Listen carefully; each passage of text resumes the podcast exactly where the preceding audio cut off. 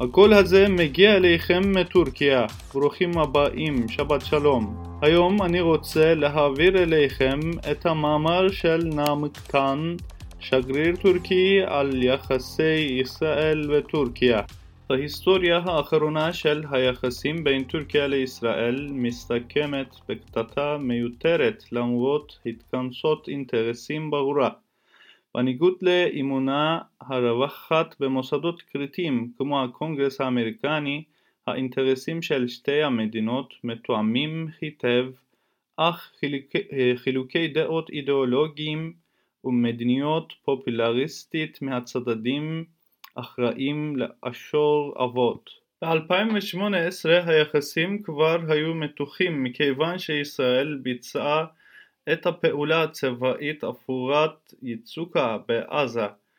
גם באותה שנה אהוד אולמרט לא חוזר בחיוב לניסיון של ארדואן לטווח בין ישראל לסוריה. ההידרדרות המהירה של היחסים לאחר אירועים אלה עשויה להצביע אחרת, אבל העניינים בין שתי המדינות הגיעו לשיא באותה שנה. רגע לפני האירוע דקה אחת, עבדולlah גול, אז נשיא הרפובליקה של טורקיה, תכנן ביקור ממלכתי רשמי בישראל ב-2009 וצוות הקידום הנשיאותי כבר ביקר בישראל כדי להכין את הביקור. מקרובים למדיניות חוץ ראו ביחסים הפוליטיים בין טורקיה לישראל דוגמה למופת עבור שאר האזור. אחת הדוגמאות לרמה אליה הגיע שיתוף פעולה זה מאז אמצע שנות התשעים הייתה הקישת טורקיה עשרה מטוסים ללא טייס מישראל. היחסים הכלכליים היו מתפתחים ומעולם לא הפכו כפופים ליחסים הפוליטיים.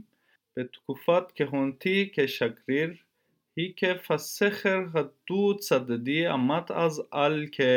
3.4 מיליארד דולר.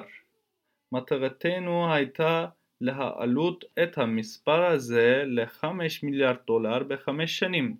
הצלחנו להעלות את המסחר הכולל ב-60% ל-5.7 מיליארד דולר למרות כל המהומה הפוליטית. טורקיה וישראל צריכות לנקוט בדחיפות בשלושה צעדים. ראשית, יש לחדש יחסים פוליטיים מלאים.